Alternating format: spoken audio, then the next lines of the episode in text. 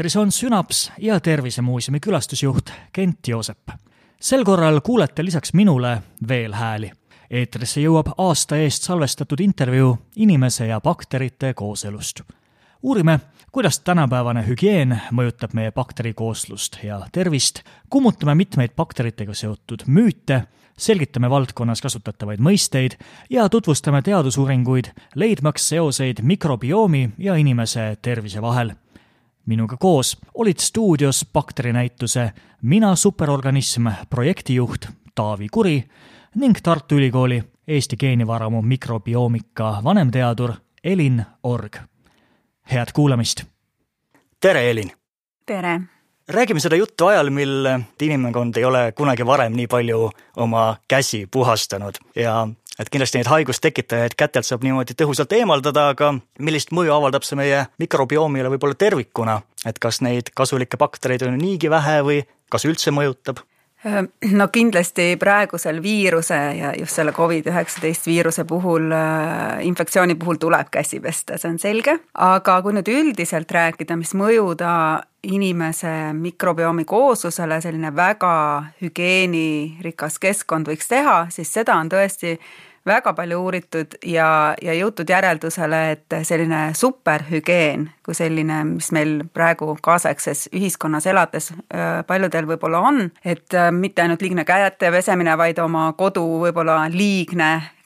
puhastamine selliste kemikaalidega, et see tõesti on viinud meie loodusliku ja mitmekesise mikroobikoosluse märkimisväärse vähenemiseni. Et nüüd võrreldes äh, veel selliste populatsioonidega võib-olla, kes elavad veel sellises ähm, keskkonnas, kus ka meie elasime mõned kümned tuhanded aastad või isegi võib-olla mõnisada aastat tagasi, äh, kus meil oli kokkupuude kõige elavaga ja meil ei olnud võimalik nii palju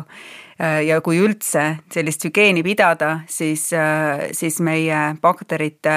kooslus on äh, tõesti märkimisväärselt vähenenud ja, ja seoses sellega ka avaldanud väga sügavat mõju juba meie tervisele ja selle kujunemisele. Tervist ka minu poolt. Ja ma küsiksin alustuseks üldsegi sellise väga naiivse küsimuse, kas bakteritega seoses on levinud ka selliseid müüte või valeväiteid, et me teame ju Ameerikast kindlasti, et on niisugune viie sekundi reegel, et kas see kehtib? no see viie sekundi reegel, ma saan aru, et on see, kui äh, toit kukub maha, et viie sekundi jooksul, kui võtta üles, panna see suhu, et siis põhimõtteliselt äh, peaks olema rohkem ohutum, kui mida kauem toit püsib maas. siin kindlasti on see, et äh, mis see pind on, kuhu see kukub, eks see toit, et, et kui me nüüd korjame üles näiteks lennujaama põrandalt selle toidu, siis ilmselgelt ma ei soovita seda suhu panna. aga kui see toit kukub meil maha meie maal näiteks, keskkonnas, looduskeskkonnas, metsas, siis tõenäoliselt ei peaks hirmu tundma, sellepärast et, et midagi sealt üles korjavate, vaid pigem vastupidi, te võite korjata üles midagi, mis võib olla teie immuunsüsteemile tegelikult kasulik ehk siis selliseid mikroobe. aga müüte on muidugi ja neid on tegelikult, äh, teadus areneb siin nagu algselt äh, ka räägiti väga, väga kiiresti ja mikrobiomi valdkonnas ja võib öelda isegi, et võib-olla neid müüte igapäevaselt hakatakse juba nagu nihutama ja ümber lükkama, no näiteks seesama, kui me rääkisime hügieenist, siis eks ole, antibiootikumid on üks selline näide väga selge, kus siis äh, antibiootikumid on muidugi mõeldud selleks, et et patogeenide vastu võidelda, siis äh, me teame praegu, et tegelikult antibiootikumid mõjutavad äh, meie kogu äh, soolestiku mikrobiomi kooslust, mitte ainult siis neid, kellest me tahaksime siis lahti saada, ehk siis kes meile halvad mikroobid on, vaid kõike ja see, ja see mõju võib olla väga drastiline ja pikaaegne, see toime antibiootikumidel. lisaks veel sellele me võime praeguste teadmiste juures öelda, et lisaks antibiootikumidele on teada vähemalt noh, minu arvamuse järgi vähemalt viiskümmend oli üks viimane ajakirja Review artikkel, ravimid, mis võivad omada sarnast toimet nagu antibiootikumid, siis mida me tegelikult ei tea. et need ravimid, mida me sisse võtame, kui meil on vajadus, nad võivad tegelikult mõjutada meie soole mikrobiomi üldiselt, mitte siis ainult mõjutada teatud, anda efekti teatud ravimina ja, ja nii edasi ja nii edasi, et näiteks selliseid müüte, et me sünnime, et meil ei ole ühtegi mikroobi, eks, et, et mikroobid tekivad ainult siis esimesed, kui me hakkame toitu sööma, tahket toitu, lapsed, või siis üleüldse. Meil on ainult patogeenid, et me, mikroob on see, mida me peame kartma. et need on tegelikult, need on sellised lihtsad asjad, mis on juba nagu ümber lükatud, aga neid ümberlükkamisi ja eks hirmud tekivad alati ja, ja sellest ka uued teooriad, aga neid ma arvan, praeguse kiire teaduse arengu juures äh, kindlasti igapäevaselt võime me mõne sellise spetsiifilise müüdi juba ümber lükata. et kindlasti see viimased sada aastat, kus me oleme tekitanud sellest mikroobist kui sellisest ja rääkinud sellest kui haigustekitajast, eks ole, et, et nüüd on see selgelt ümber lükatud, et meil on väga palju erinevaid bakteriliike, kes on meile väga kasulikud ja elavad meiega sümbioosis, et et seda poolt nagu käsitletakse üldises tavateaduses ikkagi üsna vähe, et tõsi, see on, see on tõesti need teadmised, mis on just nimelt viimase, ütleme isegi kümne aasta jooksul, mitte rohkem, tänu siis tehnoloogia arengule, kuhu me oleme jõudnud, et kuidas me neid mikroobe uurime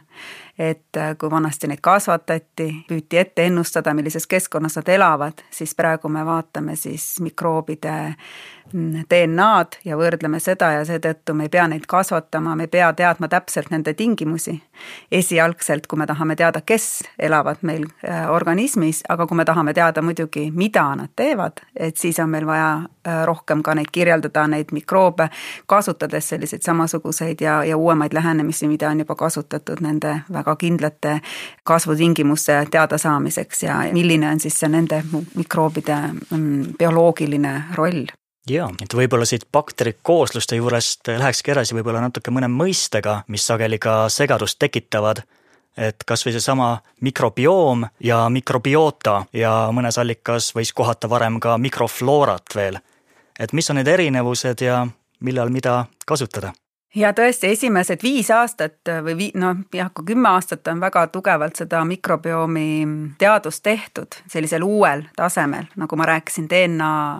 analüüsi puhul, siis äh, oli nende mõistete selline ümberkäimine väga suvaline, isegi teadlased ei saanud vahel aru, et mida miski mõiste võiks tähendada või mida peaks kasutama.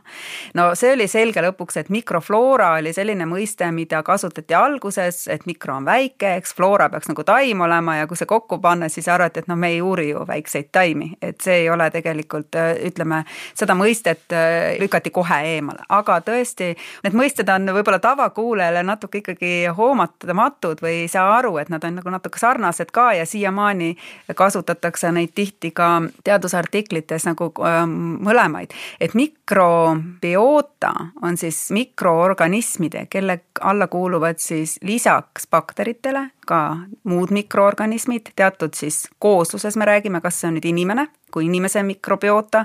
siis inimesega elavad koos mikroorganismid, bakterid, viirused, seenelised, arhead, kõik sellised mikroorganismid, me täna räägime bakteritest, sest noh, baktereid on ka tegelikult viimasel ajal kõige rohkem uuritud. et see on siis mikroorganismide, erinevate mikroorganismide üldine kogum, aga mikrobioom nagu ütleb see viimane osa sellest sõnast, bioom, siis on genoom, et siis on kõiki, mikroorganismid on samuti elavad organismid, neil on oma geneetiline materjal, oma genoom ja, ja mikrobioom on siis kõikide nende mikroorganismide geneetilise materjali eh, siis mm, kooslus, et et kui me nüüd räägime mikrobiotast ja siis arvatakse peamiselt seda, et me kirjeldame, millised liigid meil elavad. et äh, anname niipide olu, äh, kirjelduse, et vot sellised liigid on ühes keskkonnas või teises, näiteks sooles või nahas või mujal inimesel. Ja kui me räägime mikrobiomist, siis tavaliselt hakatakse vaatama siis sellist geneetilist rohkem funktsiooni, millega nad tegelevad. kui selline lihtne inimene tahab rääkida bakteritest, siis lihtsalt ütlen bakterikooslus ja kõik on hästi. jah, ja absoluutselt, see sobib väga hästi. suurepärane. meie näitus Mina superorganism, kui mina sinna võib-olla esimest korda sattusin, minu enda jaoks võib-olla kõige suurem üllatus oli see bakterite positiivne mõju ka meie vaimsele tervisele, et näiteks suurem osa serotoniinist, mis seal äh, bakterite poolt siis toodetakse ja, ja nõnda edasi. et kas ka teile on mingeid selliseid üllatusi, kas siis viimasel ajal või, või üldse varasemalt bakteritega seoses tekkinud? No üllatusi, ma võin öelda, tuleb praktiliselt iga päev tõesti, see, siin avaldatakse artikleid noh, nädalas sadu uusi mis nendest nüüd kõik tõe pähe on teha, ma arvan, et väga vähesed veel, sellepärast et see tehnoloogia kõik areneb ja, aga põnevaid uudiseid on palju ja minu jaoks vast kõige selline esimesem selline hästi põnev uudis, noh muidugi see, et, et me saime teada, kui palju meil neid mikroobe tegelikult esineb, eks ole, et ka mina õppisin koolis ja, ja muidu, et noh, on üksikuid, et sellepärast, et neid üksikuid oli võimalik laboritingimustes kasvatada, kirjeldada ja arvatigi, et noh, need üksikud siis nagu põhimõtteliselt ongi meie organismis need, kes ja kasvatada saime me selliseid algselt, kes olid kokkupuutes õhuga, jäid elama. Need, need mikroobid, kes elavad soolestikus, enamik ju ei õhuga. Te mõtlete liike, eks ole? jaa, jaa, et mikroobiliike, et need, kes jäid, jäid elama seal väljapool siis. aga need, kes elavad soolestikus, enamik ei tarbi hapnikku ja neid me ei suutnud kasvatada tagasi nüüd selle juurde, mis mulle endale nagu on tõesti nagu hämmastav olnud, üks esimesi avastusi oli see, et me oleme võimelised tegelikult äh, mikroobiliikide ülekandmisega ka kandma üle teatud haigusfenotüüpe. et äh, üks selline esimene töö, mis, mis oli tõesti väga hästi tehtud, väga heal teaduslikul tasemel ja mida on suudetud ka palju korrata, on just nimelt töö rasvumisega, kuidas siis tegelikult inimeselt just nimelt ülekanne äh, ühelt organismilt teisele, kuidas siis oli äh, Ameerika grupi teadlased näitasid kahe tuhande viieteistkümnendal aastal, ma arvan, seda tööd.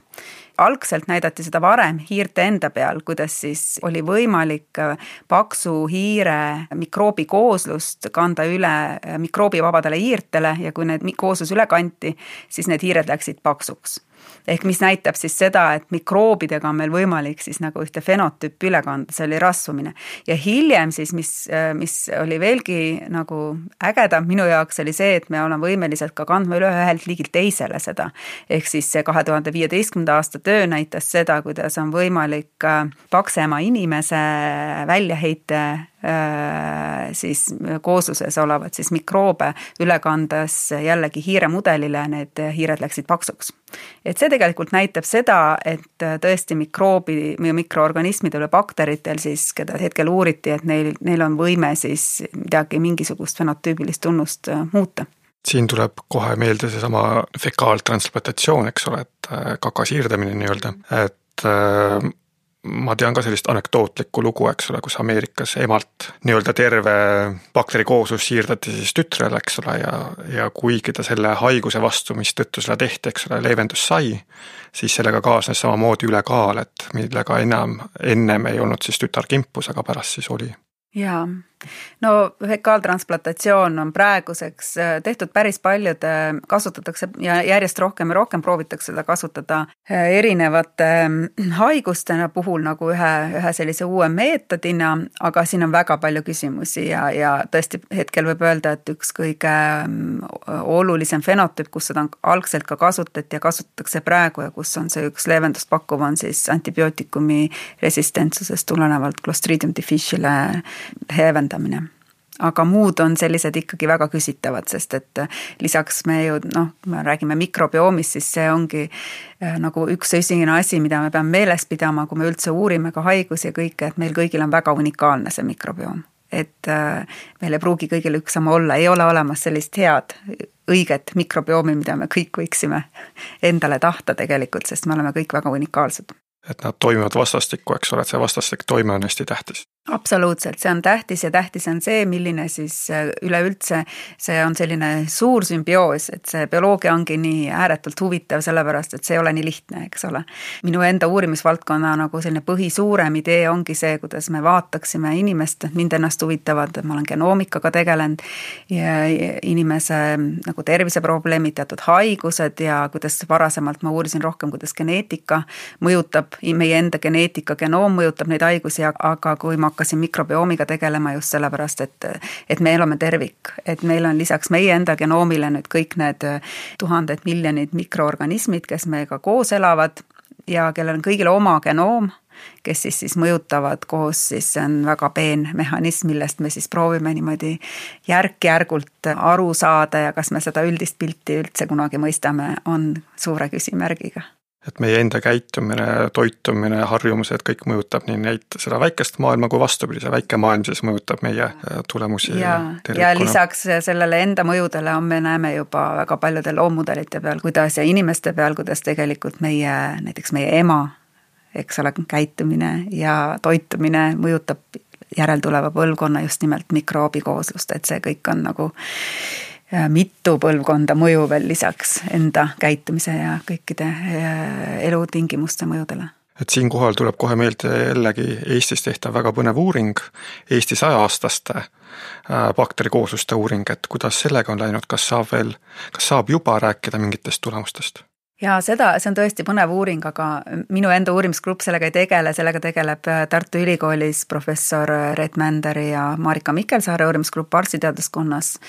aga see on tõesti huvitav, sellepärast et äh, tegelikult on vanemate inimeste mikroobikooslusi ju vaadatud juba ja avaldatud, aga aga need on tõesti väga kõrgeealised ja, ja minu jaoks teeb huvitavamaks see just, et kui me mõtleme, mis on keskkonnas ja, ja meie elustiilis muutunud, ütleme viimase saja aasta jooksul, siis need muutused on tohutud olnud ja just siinkohal on need mikrobioom väga äh,, nähakse väga suurt muutust, sest et elukeskkond, elustiil mõjutab otseselt seda mikrobiomi kooslust. ja, ja kas siis tõesti võiks ju nagu mõelda seda, et võib-olla praegused Eestis sajaaastased elavad inimesed elasid palju tervislikumalt, eks, kui nemad olid noored ja kui see mikrobioom kujunes paljud neist võib-olla maal, eks, selles keskkonnas, kus nende immuunsüsteem oli, äh, sai kujuneda nii, nagu, äh, nagu võib-olla oleks ideaalne,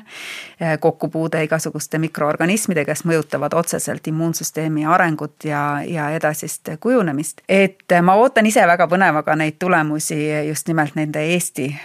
Eestis elavate, sest noh, Eesti elukeskkond on tõesti väga palju muutunud nagu mujalgi, aga ei tea veel praegu, kas otseselt on tulemusi seal olemas tulles nüüd võib-olla teie uurimisteema juurde natukene täpsemalt,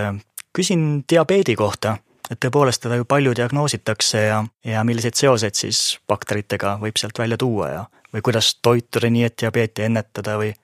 diabeet ja metaboolsed haigused on olnud, ütleme, mikrobiomi uurimisvaldkonnas äh, üks esimeste rinnas ja nagu ma rääkisin ennem, need katsed just nüüd rasvumisega olid äh, ühed esimesed, mida vaadati ja, ja uuriti. ja siit edasi, kuna rasvumine on väga suur faktor ka diabeedile, siis on ka edasi, on väga palju ja põhjalikult diabeeti uuritud ja ma ise ka tõesti, me praegugi tegeleme siin enda uurimustööga Tartus ka ühe osana diabeedi uuringuga. et siin on on palju töid olnud ja on tulnud väga palju erinevaid tulemusi, aga teaduses on see, et, ähm, et tuleb ka korrata tulemusi, et tuleb olla kindel, teadlased ei, kõik esimesed katsed, mis me teeme, tahame väga öelda, et need on uus maailma avastus meie enda poolt. et äh, alles siis ma usun, kui ma näen, et keegi teine uurimisgrupist äh, suudab midagigi sarnast leida või et me näeme seda trendi sinnas suunas, et tulemusi on väga palju olnud ja, ja näidatud on muidugi seda, et äh, kui tüüp kaks teab, et nii nagu ka rasvumise puhul, et mikroobikooslus on tõesti muutunud ja mitmekesisus on palju väiksem. on toodud ka välja teatud bakteriliike juba, et millised siis võiksid soodustada, kui see bakteriliigi sagedus näiteks soolestikus on kõrgem, seda diabeedi teket. et meie nüüd ise uurime ühte sellist mitte eestlaste uuring kui valim ei ole, aga me hetkel diabeediga on meil võimalus äh, olnud viis aastat uurida Soomes kogutud äh, keskealisi mehi ja vaadata nende siis diabeedi tekkimist tekkimist või ütleme, kogu metaboolset või ainevahetushaigusi läbi mitme aasta. et meil on valim, kus siis ligi kaheksasada meest, kus me siis vaatame siis nii mikroobikooslust, samutigi siis ainevahetusprodukte ja, ja jälgime siis nende glükoosi, mida siis tüüp kaks diabeedi juures on, läbi viie aasta ja mida me näeme tegelikult praegu just väga-väga värsked tulemused, mida me hakkame avaldama, on see, et me tõesti, mikrobioom on, on võimalik leida siis selliseid ennustavaid äh, baktereid, mis võiksid nagu ette ennustada lisaks siis muudele elutingimustele, kas võib mõnel inimesel siis olla probleeme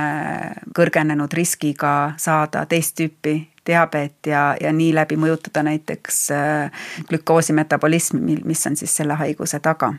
et see on väga põnev ja, ja selliseid just nimelt ennustuslikke töid, neid tuleb järjest rohkem praegu, kus on võimalik vaadata, et kuna me rääkisime, et see mikrobiom on tohutult varieeruv, siis väga paljud ja ma ütlesin, et väga paljusid töid tehakse, siis tihti on see, et praegu, et tehakse paljud tööd niimoodi, et võetakse see mikrobiom ühest ajahetkest ja vaadatakse haigetel, tervetel, aga kuna see on nii palju erinev, see kooslus muutub nii paljudest tingimustest, siis äh, kõige õigemad lähenemised tõenäoliselt on mikrobiomi uuringus väga korduvate proovide võtmine, pikaajaline jälgimine, jälgimine ja vaatamine, kuidasmoodi see kooslus muutub ja kuidas ta muutub muu inimese füsioloogiaga, muude tunnustega, et me saame teist tüüpi diabeedi puhul näiteks jälgida inimese glükoositaset veres ja nii edasi, et et nii me proovime neid kompleksselt kokku panna ja, ja vaadata, kuidas siis lisaks inimese enda genoomis olevad sellised ähm, genoomi muutused võiksid siin äh, mikroobimuutustele siis olulist rolli mängida kui me neid äh, oleme kirjeldanud või, või näinud sellist äh, teatud liikide esinemissagedust selles äh, diabeedi tekkes, kas midagi annab ka siis tulevikus teha selle vastu, et see diabeet välja ei areneks? Jaa, nüüd on, nüüd on küsimus see, et kui me näeme, noh hetkel ongi see, et me näeme tegelikult muutust, liigilist muutust, me võime öelda, millised liigid võib-olla on enam esindatud ühe või teise haigusgrupi puhul võrreldes nüüd nende inimestega, kes ei ole terved. aga järgmine suur küsimus on see, et mis see mehhanism on mis seal taga toimub, kuidasmoodi see reguleeritakse, see kõik, et see on palju raskem küsimus, et siin me ei teagi võib-olla, kuidas täpselt uurida, mis see õige on, et me ju inimest saame uurida väga vähe, et me ei saa ju teha neid katseid, mida me saame teha katseloomadega, aga siin tuleb teine küsimus, et kas katseloom, hiir, kes on põhimudel, me teame, et hiire inimese soolestik on erinev, mikroobikooslus on erinev, et nüüd need tööd, kuidas me leiame seda mehhanismi üles, on väga pikaajalised, aga loomulikult, eks me teemegi kõike seda teadust selleks, selleks, et lõpuks ikkagi aidata. Ja kuna teist tüüpi diabeedi puhul on väga oluline faktor toitumine ja noh, sellest on ka räägitud, et kuidas on moodi võimalik toitumisega muuta seda kooslust, et äh, kõige lihtsam võimalus algselt oleks see, et me lihtsalt äh, need mikroobid, kes siis äh, võib-olla on suurema sagedusega nüüd ja on riskifaktoriks, et me äkki õige toitumisega oleks võimelised nagu alla suruma nende sagedust ja, ja saaksid siis sellised, sellised bakterid võib-olla elada, kes meil annaksid ja toodaksid siis äh, õigeid äh, ainevahetusprodukte. et tegelikult see mehhanism suuresti arvatakse, et ongi läbi selle bakteri või koosluse enda elutegevuse, kuidas nemad siis toodavad meile erinevaid äh, molekule, mis siis omakorda reguleerivad siis ainevahetust, et see on väga kompleksne kõik, et et siin on põnevaid, põnevaid avastusi küllaga tulemas, et me tuues näiteks paralleeli ähm, äh, südamehaigustega, et üks töö, kus ma kunagi Ameerikas olles osalesin, kus siis tegelikult algas see töö sellest, et ähm, veres mõõdeti siis või määrati erinevaid ainevahetusprodukte, väikseid ähm, metaboliite ja leiti üks selline produkt, mis, mis on just nimelt bakterite poolt äh, toodetud ja mis siis, mille siis kõrgem äh, kontsentratsioon oli väga otseselt seotud südamehaigustega ja nüüd viie aasta jooksul on juba leitud väga huvitavaid ähm, juba mehhanisme, kuidas see võiks nagu olla, nii et, et me ei pruugigi isegi praegu väga paljusid selliseid molekule ei teagi, mis meil igapäevaselt äh, ütleme, veres ja ainevahetuses osalevad. et need on tegelikult mikroobide poolt otseselt toodetud kas on veel mingisuguseid huvitavaid äh, suundumusi või uuringuid selles valdkonnas, millel tasuks äh, silma peal hoida või mõelda, mida, mis nii-öelda teadus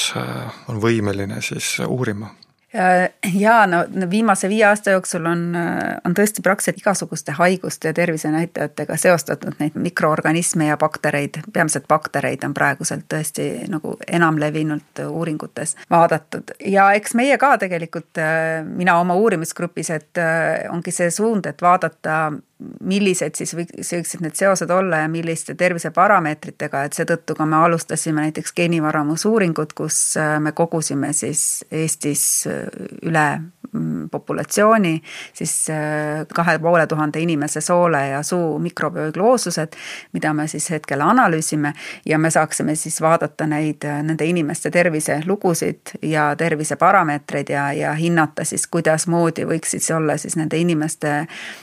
soolestiku või suubakteri kooslused seotud nende üldise tervisega. ja üks selline uuring, mis nagu põhjalikum uuring on, mida me teeme kus on tõesti ka maailmas väga palju panustatakse, on soolevähk et soolevähi seos äh, mikrobiomiga, et siin on tõesti näidatud äh, viimase aasta jooksul, kuidas inimesed, kellel hakkab juba kujunema soolevähk, mitte ei ole välja arenenud, aga soolevähk on siis äh, sooles juba muutused toimunud, et nende inimeste väljaheites on juba väga selged muutused, väga selgelt on esindatud teatud bakteriliigid ja ja kui me mõtleme nüüd nagu suuremas pildis, me teame, et soolevähk on äh, väga suure tõusuteega, äh, trendiga üle maailma äh, viimasel ajal ja järjest nooremad haigestuvad sellesse vähki ja meil on olemas riiklikud sõeluuringu programmid, mida Haigekassa Eestis peab ja, ja sinna kutsutakse kuuekümne viiendast eluaastast, kus siis praegu käib see selline sõelvähi uuring peitvere testiga, et vaadatakse, kas väljaheites on verd. siis, siis kui me mõtleme seda, et kui me saaksime vaadata näiteks ka lisaks sellele peitveretestile kinnitada seda diagnoosi ja saata inimene varasemalt koloskoopiasse, et näha neid esimesi muutusi, et kui me lisame ka mikroobi äh, testi sinna juurde väljaheitest, sellest samast proovist tegelikult, mida praegu kogutakse ja vaadatakse verd, saaksime me ideaalselt vaadata ka mikroobi kooslust ja, ja näeme näiteks, et võib-olla on kolmekümne aastasel inimesel vaja juba minna äh, koloskoopiasse ja kui seal nähakse juba esimesi muutusi sooles, siis see on tegelikult tohutu edusamm meditsiinis plaanis, sest et varaste muutuste puhul vähis, me teame, võib olla äh, iga päev oluline. kas lõpetuseks võib-olla mingisugune mõte, mõni sõnum või midagi, mis jäi üldse küsimata, see on midagi, mida veel sooviksite lõpetuseks lisada? millele inimene äkki peaks keskenduma? No inimene peaks keskenduma, ma arvan, tervislikule ja eluviisile, et äh, ja tegelikult ähm, no me rääkisime, et ähm, kui me räägime, vaatame mikroobi kooslust, siis äh, me anname, ise annab väga palju ära teha, alustades sellest, mis me rääkisime algselt, hügieen, äh, toitumine, meie elustiil, aga ka kuna me teame ja mainiti ka siin ära, et mikroorganismid ja, ja bakterid on juba näidatud väga huvitavaid seoses ajuga, et siis ka mõtlemine on oluline, vähene stress, see tegelikult kõik on väga-väga oluline, kuidas me ennast tunneme, kuidas see mõjutab ja me neid seoseid teame teadlastena väga, hetkel veel väga minimaalselt, aga oluline on ikkagi see, et mida õnnelikumad ja tervislikumalt ja paremini me ennast tunneme, seda ilmselt äh, õnnelikumad on ka meie mikroorganismid ja neid on kindlasti rohkem. no selle mõttega ma arvan, et on kena ka see kohtumine ja intervjuu meil lõpetada, et tõepoolest väga täname teid teie aja eest ja selle meeldiva vestluse eest. kui tunned bakteri teema vastu sügavamat huvi, soovitan vaadata ka Tervisemuuseumi Youtube'i kanalis olevaid Mina superorganism videotuure. kuula Sünapsi tulevasi ja varasemaid osasid muuseumi kodulehel, Simplecastis, Spotify's, Google'i ja Apple podcasti keskkondades. uuri, mis toimub ka muuseumi sotsiaalmeedias, Facebook, Instagram ja Youtube on alati avatud nagu ka Tervisemuuseumi koduleht. ja veel parem, tule kohale, tule muuseumisse. Kuulmiseni ja kohtumiseni Tervisemuuseumis